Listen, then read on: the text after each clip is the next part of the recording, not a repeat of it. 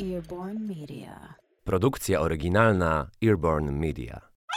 Uwielbiam temat łączenia jedzenia z winem. Nie tylko dlatego, że jest to po prostu ciekawy i bliski mojemu sercu temat, ale również dlatego, że jest w nim tyle kontrowersji, nieporozumień, zastanych niestety nieprawdziwych twierdzeń i przekonań. Oraz, że jest niedoceniany, a czasami z kolei przeceniany i prowadzi do sytuacji dość absurdalnych. Ten odcinek był na mojej długiej liście odcinków do zrobienia na potrzeby podcastu, ale planowałam go zrobić dopiero za jakiś czas. Ale coś się wydarzyło. Prawdopodobnie najbardziej znana kobieta w świecie wina, Jancis Robinson, właśnie stworzyła swój podcast. Autorka książek postanowiła objawić się w internetowym świecie, który do tej pory winiarsko nie był zbyt dobrze ogarnięty. To znaczy, mamy oczywiście gazety winiarskie. Był też oczywiście czas blogów. Na YouTubie jest mnóstwo dobrych kanałów o winie, w tym polecam oczywiście mój, ale wino. Ale podcasty wydały mi się takim nowym kanałem komunikacji winiarskiej. I oto nasza winiarska królowa stworzyła swój. Cieszę się bardzo i widzę od razu, że będzie totalnie inny niż mój, więc myślę, że uzupełniamy się idealnie.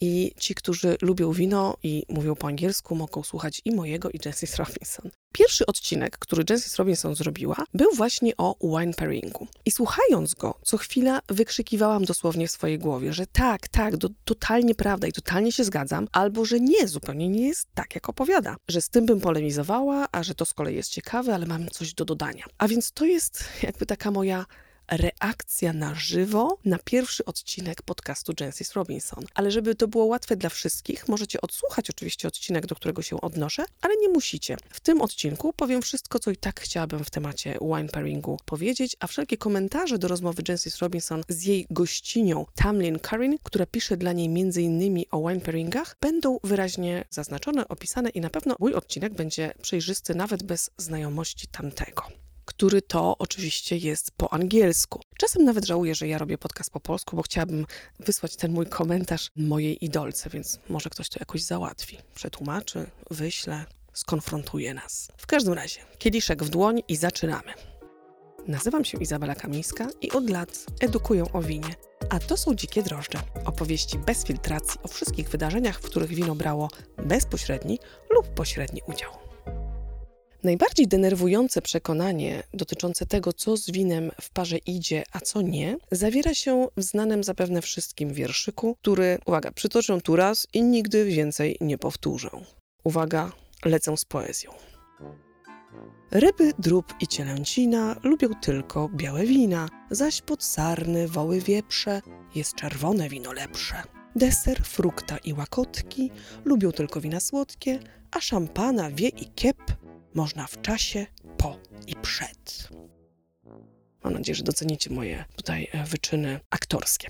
I w sumie, jeżeli chodzi o ten wierszyk, zgadzam się tylko z ostatnim twierdzeniem. Bo dobry musiak, czyli jakiś szampan, kawa, francia korta, będą pasować do wszystkiego. Ale o tym zaraz. Skoro szef komponuje jedzenie, skoro my sami też dbamy o odpowiedni sos, przyprawy, zioła, Czemu uważamy, że to, czym popijemy jedzenie, nie ma znaczenia? Zawsze mnie to zadziwia. Co gorsza, na samym początku swojej rozmowy sama Jensis przyznaje się do tego, że nie przywiązuje dużej wagi do łączenia wina z jedzeniem.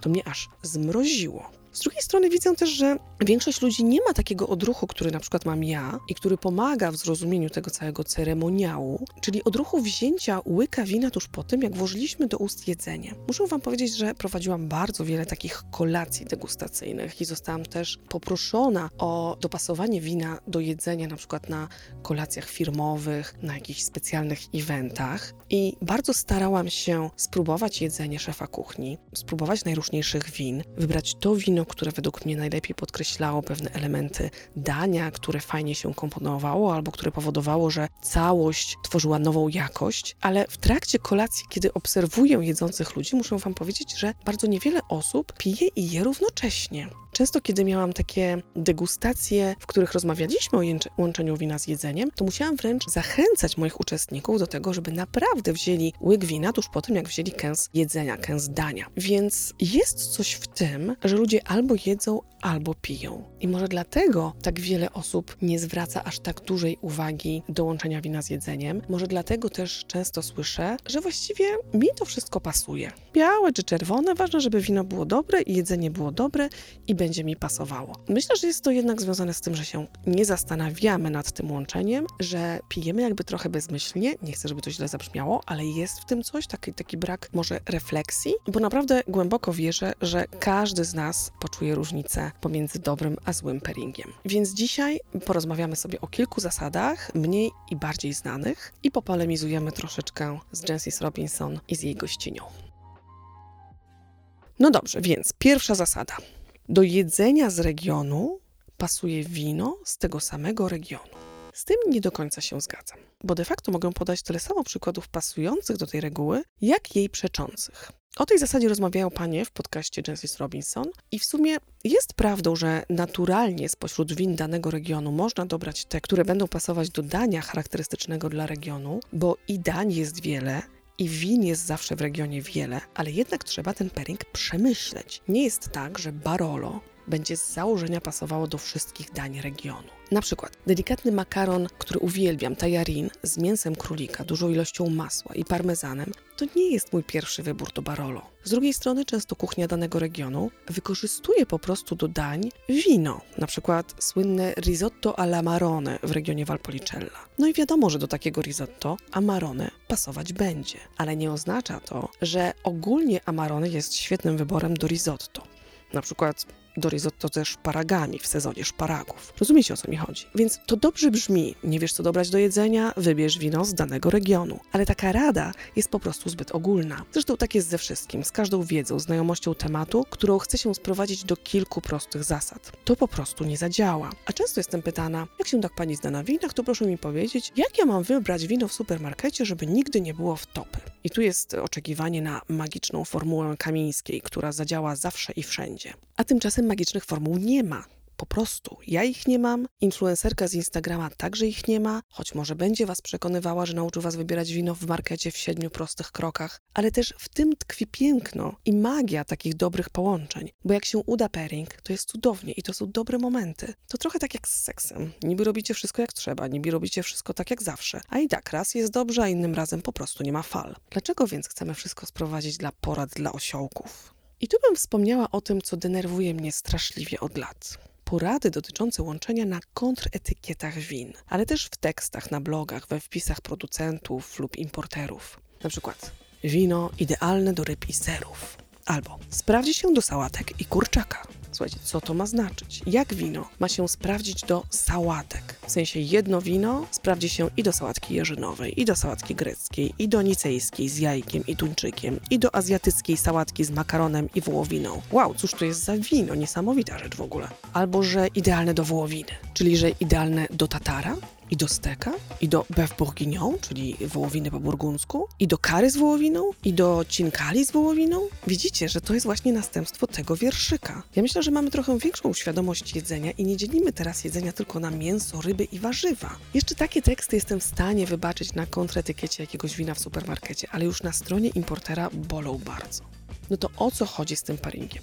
Jak to działa i czemu działa? Pierwsza łatwa zasada, ale wciąż nie dla osiołków, to łączenie ciężarowe, czyli jak mamy faktycznie przystawkę w postaci dajmy na to, przegrzebków, które spędziły kilka dosłownie sekund na patelni, podane są na liściach jakiejś sałaty, skropione delikatnie cytryną, polane dobrą oliwą, to podajmy do nich coś lekkiego. A jak mamy pieczeń, która spędziła 48 godzin w piekarniku, podaną z gęstym sosem, to raczej postawmy na konkretniejsze wino. I zauważcie, że nie mówią o kolorze wina specjalnie, mówią tylko o wadze wina, o gęstości wina. A na wagę wina wpływa to, skąd pochodzi i jaki był proces produkcji. Skąd pochodzi, bo na przykład wina z gorącego regionu będą miały zdecydowanie więcej alkoholu, a już to wpływa na ciężar wina, na jego strukturę. Z drugiej strony wina, które spędziły trochę czasu w beczce, będą zdecydowanie cięższe niż te, które były robione w nierdzewnych tankach. Żeby to powiedzieć prościej. Sauvignon Blanc z Nowej Zelandii będzie lekkie, a beczkowe Chardonnay z Kalifornii ciężkie. Następnie to, co jest ważniejsze od tego, czy jemy kurczaka, wołowinę czy królika,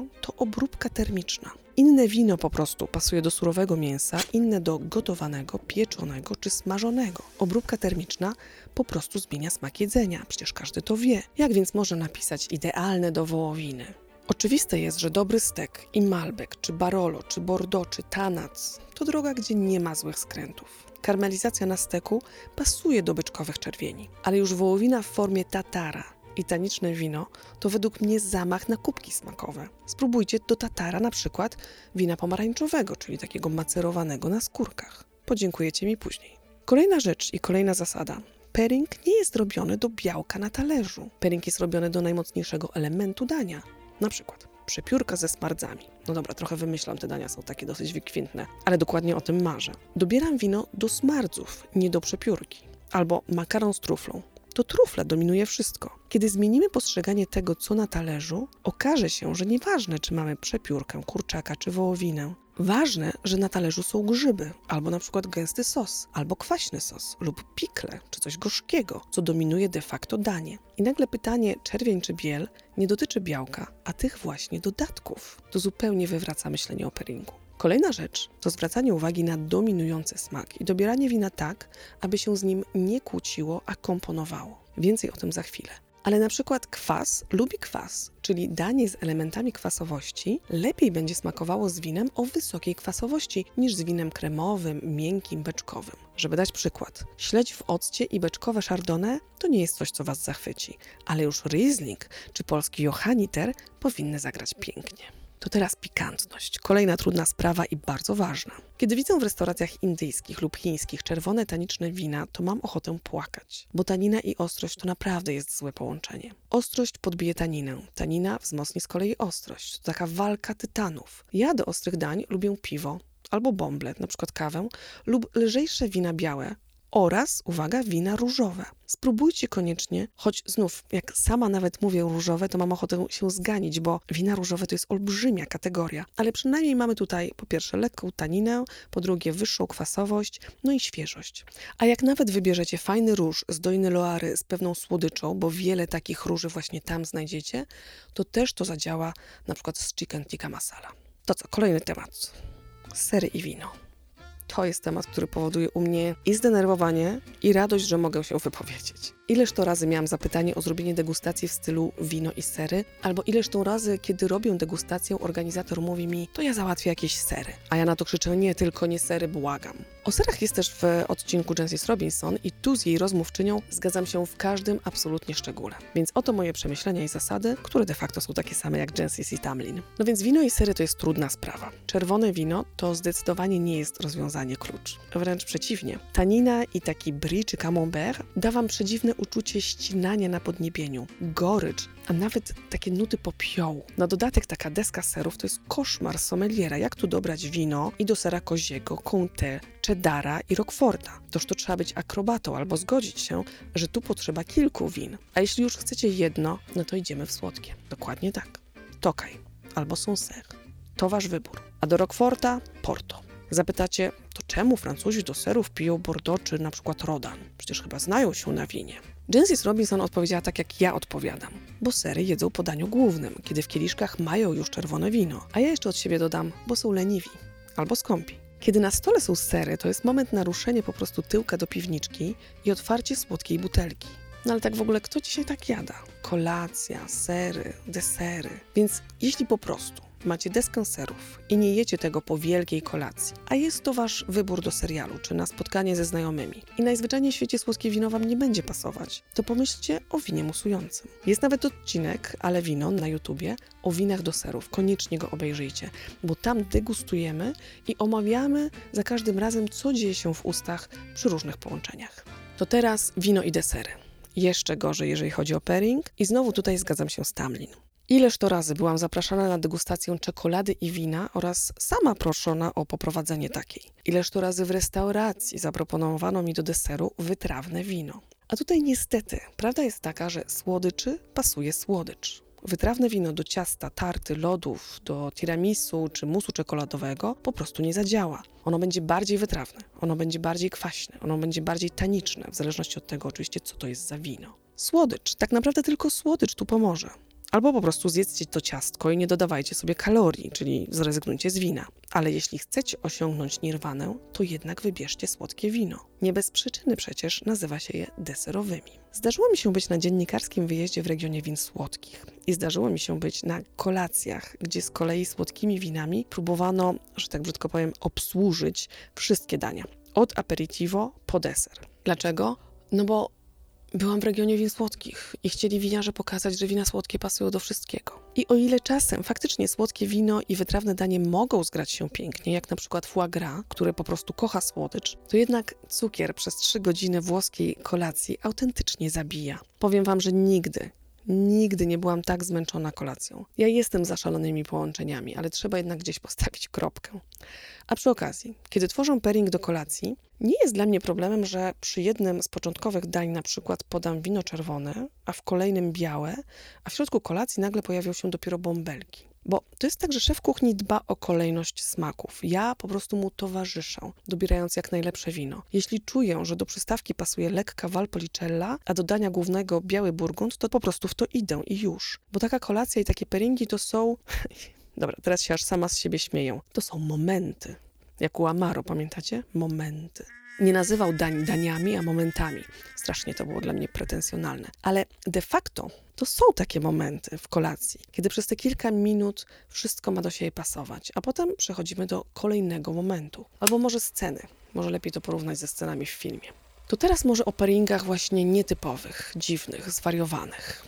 Już wspomniałam o całej kolacji z winami słodkimi, a teraz opowiem Wam o mojej kolacji w restauracji Noel w Zagrzebiu, gwiazdkowej restauracji. Poszłam na tą kolację sama. Byłam na wyjeździe dziennikarskim, miałam wolny wieczór i stwierdziłam, że chcę zobaczyć tę restaurację. Przemiły sommelier postanowił postanowił posadzić mnie przy takim stoliku zupełnie oddzielnie w kącie i przez cały wieczór bardzo intensywnie się mną opiekował, więc była to przemiła kolacja. Wziąłam oczywiście pairing, bo kiedy jestem w gwiazdkowej restauracji, to biorę pairing, chcę zobaczyć jak pracuje szef, jak pracuje sommelier, jakie jest podejście do wina i jedzenia. I okazało się, że w pairingu były nie tylko wina. I to jest właściwie pewien trend dzisiaj, żeby oprócz win w pairingu pojawiały się na przykład koktajle. I tak było właśnie w tej restauracji. W trakcie całej kolacji, która nie wiem, składała się chyba z 8-12 dań, miałam aż dwa koktajle. Niezbyt słodkie faktycznie, skomponowane głównie na kwasowości i całkiem nieźle pasowały. Ale w pewnym momencie było danie, do którego pairingiem był koktajl, ale poza tym pairingiem do tego dania były, teraz trzymajcie się,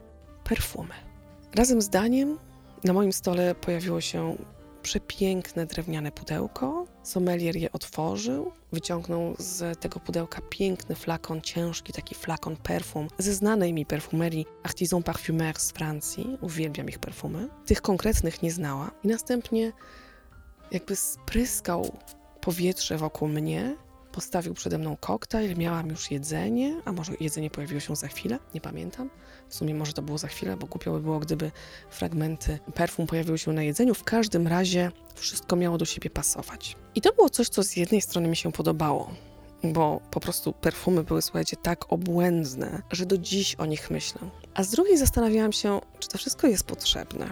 Te perfumy pasowały do aromatu jedzenia, ale jednak były takim zewnętrznym elementem. Nie dało się ich przecież zjeść, nie dało się też de facto skupić na aromacie dania. One faktycznie go podbijały, uzupełniały, ale cały czas nie wiem, czy były potrzebne.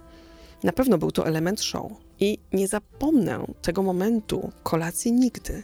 No i mam nadzieję, że dorwę te perfumy. Nie pamiętam niestety już, jak się nazywały, ale wiem, że kosztowały majątek, bo sprawdziłam to później na internecie. A teraz kontrowersyjnie na koniec.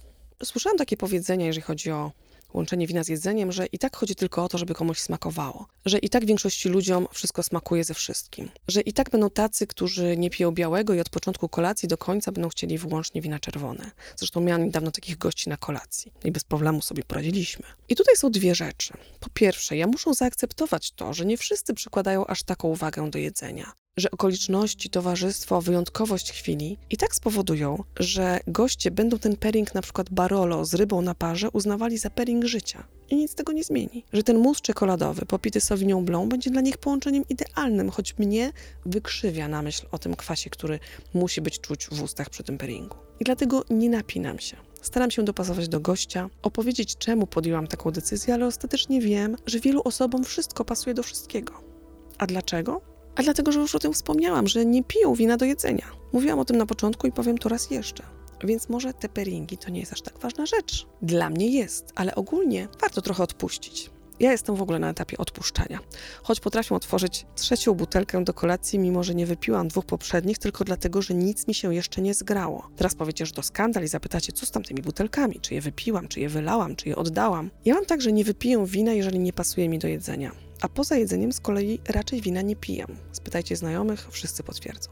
Chowam więc te wina do lodówki i uwaga, po prostu kolejnego dnia, kiedy gotuję, to myślę, co będzie pasowało do otwartej butelki, czyli gotuję do już otwartego wina. Taki mam poziom zwariowania. A za jakiś czas wreszcie znajdę też wino do tej ostatniej samotnej butelki w lodówce. I wcale się z tym nie śpieszę, bo ta obsesja otwartej butelki to jest kolejny świetny temat na odcinek podcastu. Butelka wina nie odchodzi tak szybko. Nie trzeba się spieszyć. Zrobię odcinek o czasie o czasie dla winorośli, o czasie zbiorów, o czasie w beczce, o czasie w butelce i tam wszystko wyjaśnię. Teraz chcę tylko powiedzieć, że nawet jeśli nie wierzycie w pairingi, to warto czasem oddać się w ręce dobrego sommeliera. Pójść na kolację z dobranymi winami i zobaczyć, że to może wynieść tę kolację na zupełnie inny poziom. A potem wiadomo, w domu otwieracie to, na co macie ochotę i już. Cudownych pairingów Wam życzę i zapamiętajcie sobie, co 200 lat temu napisał Bria Savarin w swojej książce Fizjologia smaku. Smakoszostwo jest podporą życia towarzyskiego. Pijcie odpowiedzialnie i szukajcie historii w winie.